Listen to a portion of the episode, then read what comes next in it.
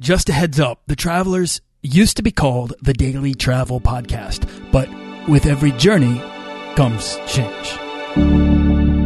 This podcast is produced by Holocene, a community of creative travelers. If you want to get serious about planning that next trip, writing that book, starting that creative project, or launching that business, we're breaking down the barriers between where you are where you want to be together at joinholocene.com. That's join, H O L O C E N E.com. Today it's 25 countries in one year with Lauren Salisbury. Do you want to travel further and more often to visit new places and meet new people and expand the role that travel plays in your life? I'm your guide, Nathaniel Boyle, an explorer that wants to help you get out, see the world, and find meaningful, life changing experiences. Everyone wants to be adventurous and have great stories, to do the stuff of legend. This is the Daily Travel Podcast. Now, before we dive in, if you want to get started earning frequent flyer miles or points to travel for as close to free as possible, then you can head on over to dailytravelpodcast.com and sign up for the weekly newsletter and get my book, The Beginner's Guide to Points and Miles, completely free. Lauren Salisbury is a trained journalist and a native of California, and she's lived and worked in four countries. And this year, she's fulfilled her goal of visiting 25 countries within 25 years of life. So, Lauren's writing about her travels over at her blog, Something in Her Ramblings, which is aimed at inspiring women and solo travelers to explore. And she has lived and worked in Australia, Spain, the US, and Costa Rica, where she's currently living in the rainforest and working as a social media and marketing manager for Outward Bound, which is a program that I am fond of and participated in as a kid. It was definitely the first time I ever strapped on a backpack and hiked up a mountain. Um, it was not my favorite experience, but it really, it got me out there and it taught me, um, to get comfortable outside of my comfort zone and the rewards of doing so. Uh, she's also a San Francisco Giants fan, and they just won the World Series yesterday. So it's kind of a big deal in the States here. So congratulations, Lauren. Uh, welcome to the Daily Travel Podcast. Thank you so much. I'm so excited to be here, especially on such an exciting morning exactly. when the San Francisco Giants just won the World Series. It's a big deal. It's a big deal. Uh, I'm a huge baseball fan, so I love that, and I was uh, I was kind of rooting for them to win in a way. I'm kind of an American League guy, but I don't know. The Giants they're kind of putting they're putting together a really good run. They've won three out of the past five years, so that's something. Yeah, they're just such an inspiring team. And really, for me, they're more than a baseball team. They can really teach you so much about life. You know, in 2012, they won six elimination games to get to the World Series. And at every game, the announcers seemed to be saying, Oh, this is going to be it. This is going to be the last game for the Giants. And they just kept fighting back. I love so that. I find them extremely inspiring. I love that sports. The way the the reason sports matters. I have a lot of friends who don't care about sports and they they think it's kind of uh, that's like it's just entertainment or something. But the reason sports matters is that it brings people together. Uh, people that have political or cultural differences and unites them around one thing. So in, in South Africa, for example, there, there are so many different uh, cultures down there and a lot of them have trouble getting along. But when the Springboks play, everybody's wearing green. And I think that's just amazing. Yeah, that's great. I had to search pretty hard to find some fellow Giants fans in Costa Rica, which is where I am right now. But I finally found some last night. It was the first game I went to where people were actually cheering for my team, and it was great. Oh, that's awesome. I love that. All right. So, Lauren, I shared a little bit about you, but I want you to really introduce yourself. Tell us where you're from and how you got started traveling. Okay, great. So, yes, my name's Lauren Salisbury. I grew up in San Jose, California. I got my start traveling with my family growing up. By the time I was 17, I'd been to 46 of the 50 states with my family. We were really into road tripping. We had a green Ford Windstar minivan and my mom, dad, and my younger sister and brother and I would pile on in every summer and we would just drive to different states. We drove across the country three times, big into camping, checking out of the national parks. So that's really where I got my love for travel from my parents and all the opportunities they gave me. Had your parents, then, sorry, had your parents traveled much internationally? They had before, before they had kids, they went a lot of places internationally. And then when they had us, we mostly just stuck to the United States. But yeah, my parents went to actually the Soviet Union back when it was the Soviet Union. And they'd been all over Europe and Australia and New Zealand. So they also shared a lot of stories with me growing up of their travels. Were they And- not? Were they not comfortable taking? I'm sorry to keep interrupting you. Were they not Oh. comfortable taking kids abroad with them on their trips? Oh, no, not at all. I think it was just probably for financial reasons that we stuck to the United States. Sure. We did go to Canada and Mexico and the United Kingdom as a family. But there's also just so many great things to see in the United States too. It's a good place to start. There are. I mean, the United States is massive. So many people in the United States do not have a passport, and uh, I would love to inspire some people who don't to get one. But at the same time, there is something to be said about. I think that there's a statistic that that, and I can't recount exactly what it is, but it's something to the fact that Americans actually do travel on average as far as other people in other countries. It's just that we have this huge country to explore that offers beaches, mountains, uh, different cultures. You know, uh, just about everything that you could be looking for. Island culture, uh, Alaska. It's got all of this stuff, and uh, and so I think that Americans do travel. They just travel a lot within the states. Yes, definitely. That's definitely true. When did you get your start in international travel? When was your first independent trip? My first independent trip overseas was my junior year of college. I did a semester exchange at RMIT University in Melbourne, Australia. And I went, I was the only student from my university to go that semester. So I went by myself to Australia for six months. And that really opened my world and my eyes to traveling internationally and being more independent on the road. Yeah, well, you were the only one there. What does that mean? That you were were you staying by yourself when you were there? I got on a plane to Melbourne and booked a hostel and stayed in the hostel for two weeks until I found an apartment to stay. So yes, it was definitely a challenge being 21 years old, first time overseas by myself, trying to find a place to live uh, in a different country. How much of that did you have planned before you got there? None. I didn't have any of it planned. Really? So you touched down and didn't have anywhere to stay? Yeah, they had student housing with international students, but I really wanted to find a way to live with Australians. So I decided to just wait and find housing when I got there. Very cool. So how did you go about finding that then? I looked on a lot, like it's so easy. Well, it's easy and it's hard, but with the internet now, it makes it much easier to find housing. So in Australia, they have a wide network of websites that you can use to find housing. Actually, I also lived in Madrid and that was much more challenging to find housing because they don't really use the internet so much. They have orange signs in front of anywhere that's renting. So the way I found my apartment when I lived in Madrid was just by walking down the street and calling the different numbers that I saw and asking them about their apartments and their availability.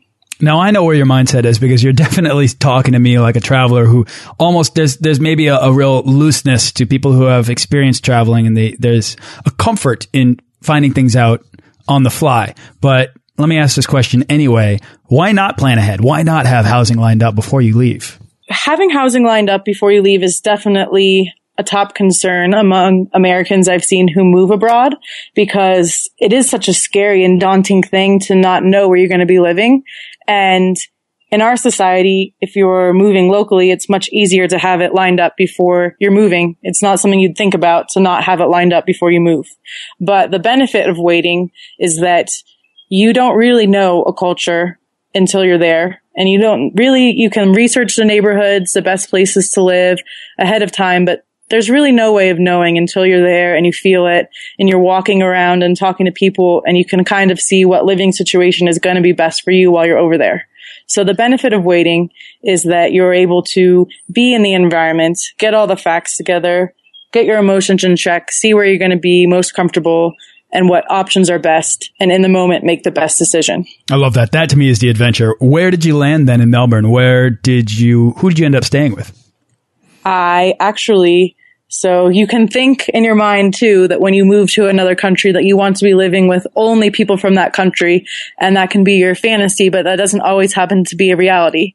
But I actually met an Italian girl who was also looking for somewhere to live and we moved in with an Australian who was already living in South Bank in Melbourne, which is a neighborhood right along the river and near the casino, which happens to be the largest casino in the Southern Hemisphere. So I lived with one Australian and one Italian, which was an unexpected pleasure. So was the Italian somebody that you met at the hostel?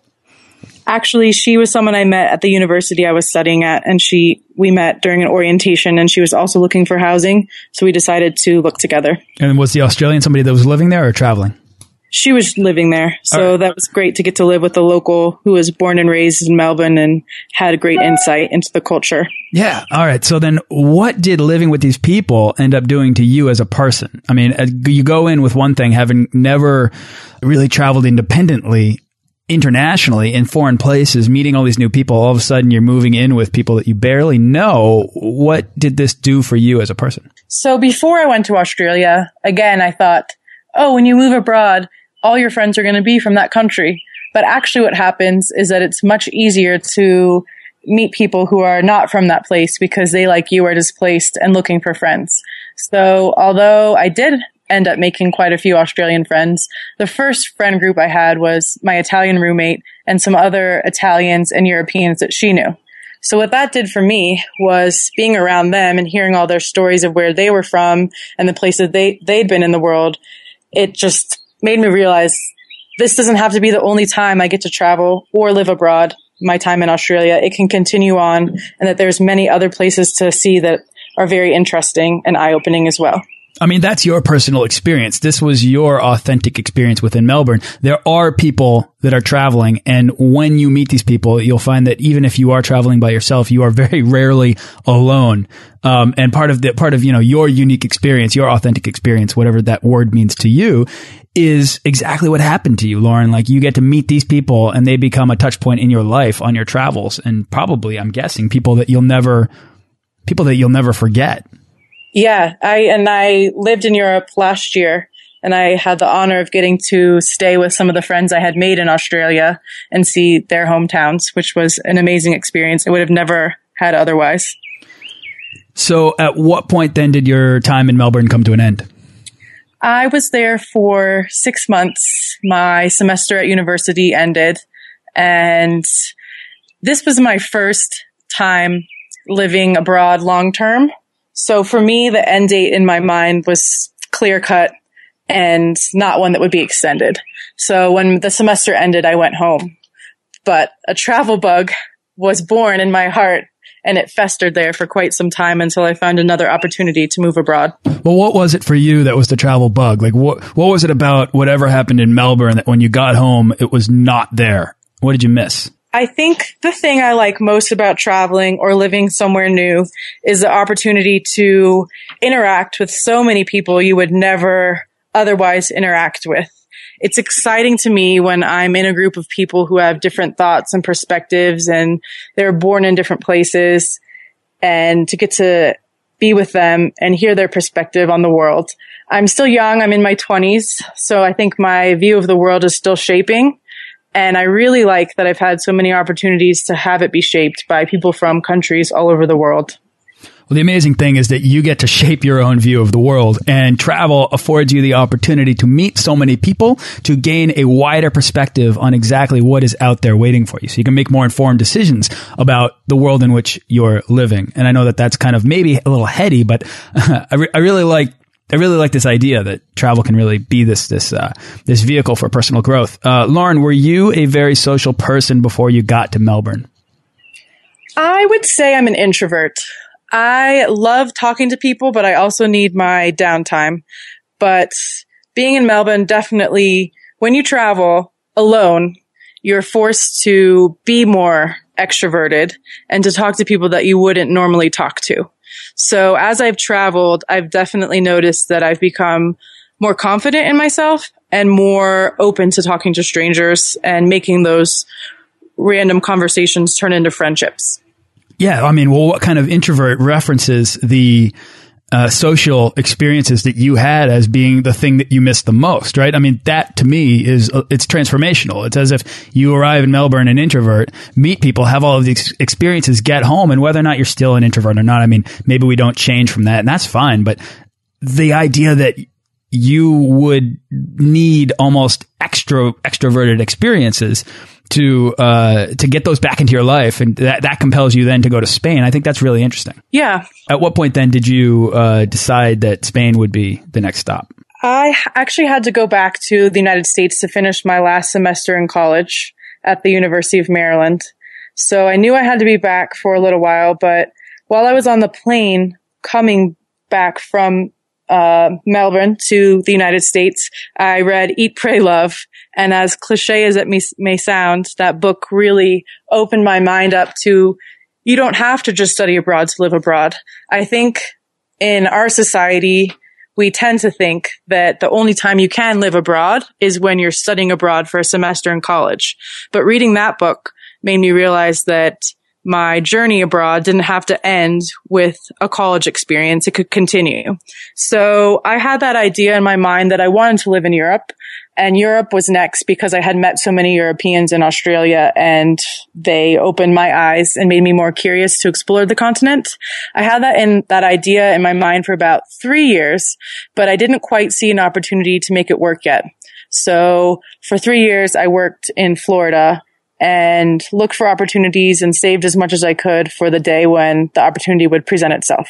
So at this point, then, what were your family and friends saying about this idea of living abroad so far away from from them, and also with so little experience in life and with you know working? I mean, what are you, twenty two at this point? Yes, I was 22 at this point.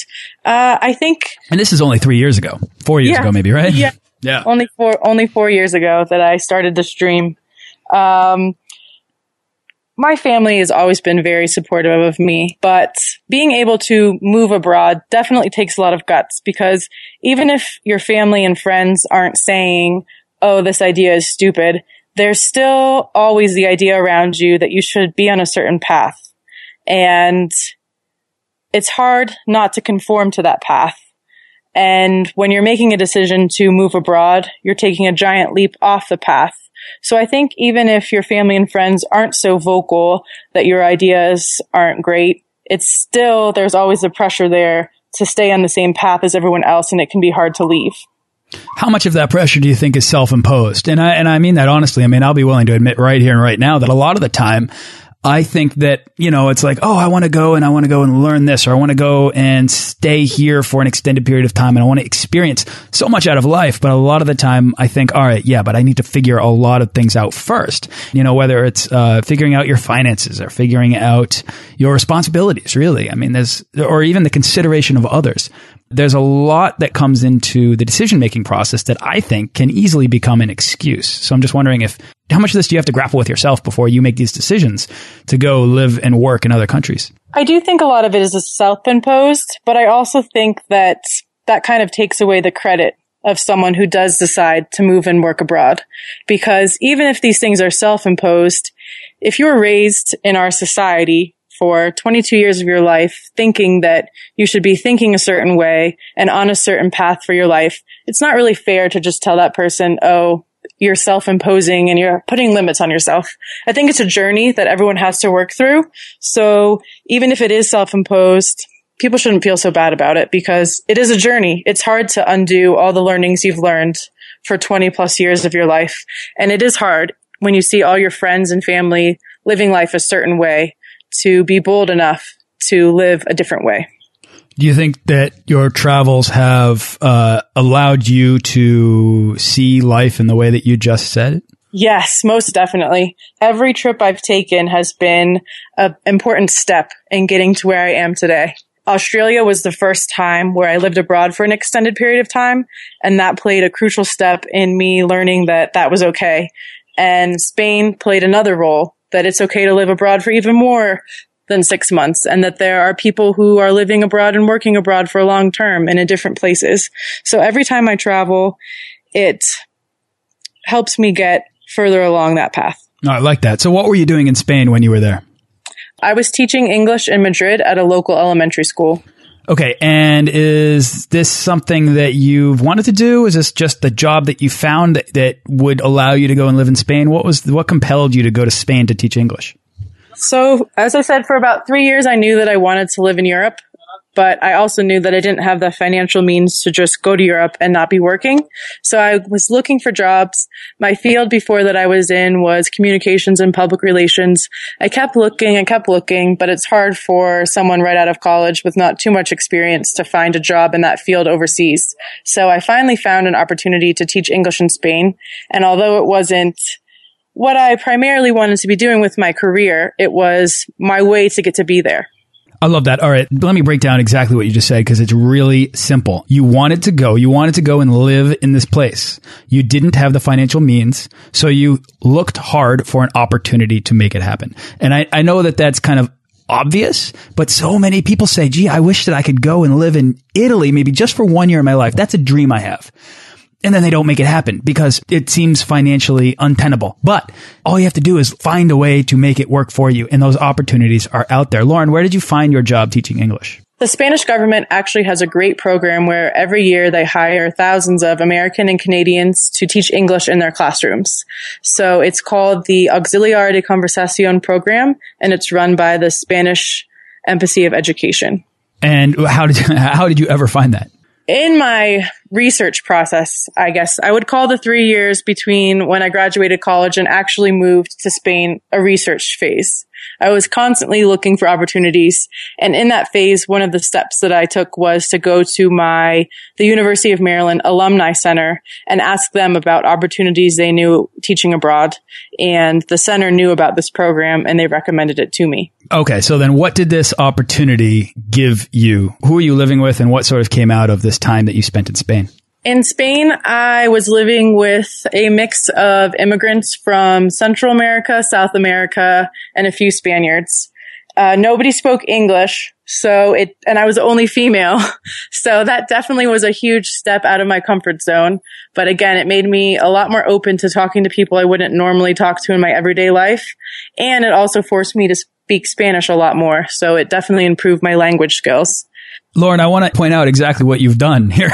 where where you are right now in this story is you so badly wanted to get back out on the road that you found a way to make it financially uh, feasible for you. But then not only that, you are staying as a girl in her early 20s. You're the only girl you're staying with people I'm guessing you didn't know and got to know over time. Is this right? I mean, this is a scary thing that most people would never put themselves in the position that you've just illustrated. Yeah, I guess I'm a little crazy, but No, but I, I like that. I mean, what were you looking to get out of this experience that that allowed you to sort of take these these bold steps?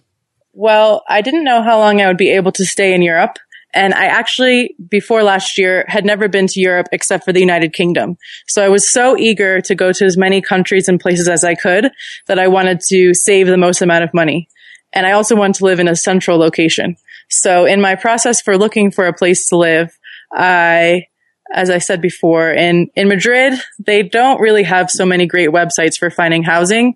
Their process is to post a poster on front of a building that has an apartment for rent with a phone number. And you walk around and you call those numbers and then landlords come down, they let you in, you look at the apartment, you ask them questions about how much it costs and you find one. So I was looking for a place to live where I would be practicing Spanish, safe, and not be spending so much money so I could invest my money in travel.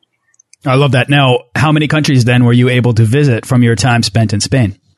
In during my time in Spain, I visited 25 countries in just one year, and it's something I'm very proud of. Wow, that's awesome. All right, so take take me through that. Was that something that you expected to do or did it just start to happen as you were using Madrid as a jumping off point? So, I did not think I would be able to travel so much. I actually went to Europe about three weeks ahead of my start date in Madrid and I went to Paris and Italy. And I thought that that would be the only big trip that I would get to do. I really thought that'd be it. I'd get to do some smaller weekend trips, but I probably wouldn't see too much else. But then an amazing thing happened while I was there. I, it just kept getting easier and easier to travel because I learned how to do it better and better and more and more opportunities started presenting themselves. So about halfway through my time in Europe, I was thinking, I was starting to feel a little sad that I'd have to be leaving soon. And I was wondering what I could do that would make me feel that I lived my life that year to the fullest I possibly could. So I was getting close. I was a, at that point, I had traveled to about 16 countries and I thought something crazy. Let's just go for broke, try to get to 25 countries this year while I'm 25 so that for the rest of my life, I can say, when I was 25, I went to 25 countries and that I can also feel that I lived this year of my life to its fullest. I love so that. that's how I set that goal. Yeah, you're raising the bar for each now concurrent year beyond because you're 26 now, right? Yeah, I'm 26 now. I I know I definitely won't get to 26 countries this year, so I'll have to set a different goal. All right, so we're all those countries in Europe and what, Northern Africa? Uh, yes, I went to Morocco, and the rest were in Europe. Interesting. Oh, that's that's so exciting. All right, so what came out of then uh, completing that challenge? Because this is the thing. Like you effectively you gave yourself a quest and you followed it. You know, you followed it, you pursued it, and then you completed it. And now you have this thing that is a really cool story that you can go home and you can share with people. I mean, this is a little bit of a legend. You spent your 25th year going to 25 countries. That's that to me is exactly the kind of legend that travel affords us the opportunity to uh, create for ourselves. So what then, you know, what were the, the biggest lessons out of going to 25 countries in, in one year? I think one of the biggest things that came out of this was that it made me go to countries that I normally would not have gone to. I, some Can you, people can say, you name one? Yeah, sure. Well, Slovenia was one of my favorite countries. Before I went, some people, some of my friends were joking, Oh, how are you going to get there? On a bus? Probably everyone will be having chicken and produce on this bus and they won't speak English and they'll all be looking at you. And it's probably a really poor, terrible place. And I didn't know anything about it, but Slovenia actually has one of the highest economies in Europe. Everyone speaks English and is super friendly. They have amazing food, beautiful scenery and lakes. It's a phenomenal place. And I definitely would never have gone there unless I was trying to hit 25 countries. And so when you did hit that 25th country, how did that make you feel? Oh man, it made me feel really proud. And when I think when you set a quest for yourself, whatever it is, and you actually fulfill it, it makes you realize that the possibilities in this world really are endless and you can do whatever you want to do as long as you work hard to make it happen. I love that. Lauren, you, I need to know what your goal is now for your 26th year. And I want to know what each goal now is going forward. No pressure, but I know. it's really exciting to think about, isn't it? It is. The thing is, I didn't set this goal until about halfway through my 25th year, and I just turned 26. So I'm giving myself a few months to figure it out what it is I want to accomplish this year. I think that's a really important takeaway. So on this show, I've had people like Lee Abamonte or Chris Guillebeau come on, and these guys have traveled to all 193 countries. But from country number one, they didn't have the desire, they didn't set the goal to go to all 193. It wasn't until they got to, you know, 120 that they even started to think about it as a reality, and 150 that they decided, you know what, maybe I should go for it. And even then, they were already writing, they were already doing things. It's, it's the quests that you're already on that are going to be the easiest ones for you to actually complete. And uh, rather than start from zero and make it this huge, daunting, sort of unrealistic thing, instead, try to identify the things that you're already doing. And this is in life too. I mean, if you want to accomplish something, identify the paths that you're already on. Exactly. You cannot just set a goal of something you're not already working on or passionate about that's grand like that and expect to accomplish it. The things that you're going to accomplish are things you're already working on, even if you don't know it. I had no idea that I was trying to get to 25 countries. I just loved travel so much that I could, I traveled at every opportunity I could. And then one day it revealed it that this would be my goal. Love that. All right. So then take us now to Costa Rica and your life there. What's going on down there? So I'm currently living in the middle of the rainforest on a pretty remote base about an hour from San Jose, depending on traffic. And I'm working as the social media and marketing manager for a company called Outward Bound Costa Rica, which is an experiential education school here in the middle of the rainforest. We take students on treks through the jungle, uh, teach them how to surf on beaches. They go river rafting. And a lot of what we're doing here is also trying to help the youth of our of our generation realize that they can push their limits physically and mentally and achieve their goals. All right, what does that mean in the middle of the rainforest? Uh, it means that my house and my office are on this remote mountain base. In order to get anywhere, it's about a 15 minute walk up this killer mountainside to the bus stop. And then in order to get anywhere from the bus stop, it's a windy uh, journey down the mountainside to the nearest town and city. And the nearest town and city is, did you say San Pedro? San Pedro is the nearest city. There's a town called Tres Rios, which is closer. There's a grocery store and a few restaurants there, but the nearest big city would be San Pedro. And do you are you finding that you're kind of alone there again, or are you are you there with a bunch of other people that are working with Outward Bound that are your friends? What's tell me about the the social scene and how you are actually getting by there. It's funny. I definitely thought when I moved here that I would be alone most of the time, but instead I'm just with the same like eight to 10 people for 24 hours a day, it seems like sometimes. But yes, uh, I'm very close to my colleagues here. They're a mixture of Costa Ricans, which they call Ticos, and Americans, and we're working and living in the rainforest. I love that. All right. So now you're doing social media marketing management, right? Now, is this, uh, would you say this is, cause this is a, something that a lot of, you know, travel bloggers use as a freelanceable skill because they spend so much time working in online content and uh, helping people, you know, to create articles or create videos and stuff. Is this something that you think is a good skill for somebody who wants to be able to go out and create a life of travel to have in their uh, toolkit? Most definitely. But I do think that the most important toolkit you have if you want to create a life of work and travel is that you're flexible to whatever opportunities present themselves. At first, when I went to Spain, I was very scared to be leaving my field of public relations and teach because it's not really related. It's not on the same career path. And a part of me was afraid that I would be never able to find another job in my field again. But a year later, the things I learned in Spain did apply to my field and they helped me find this role that is in my field again. So I would say a lot of times people are very pinpointed on what, on what kind of job they want to do abroad. But whatever opportunity you find to support your dream, there's going to be ways to apply it to whatever your future dreams are too. Love that. All right, Lauren, we're running out of time here. So I need to ask you, is there anything else that you'd like to share before we wrap up?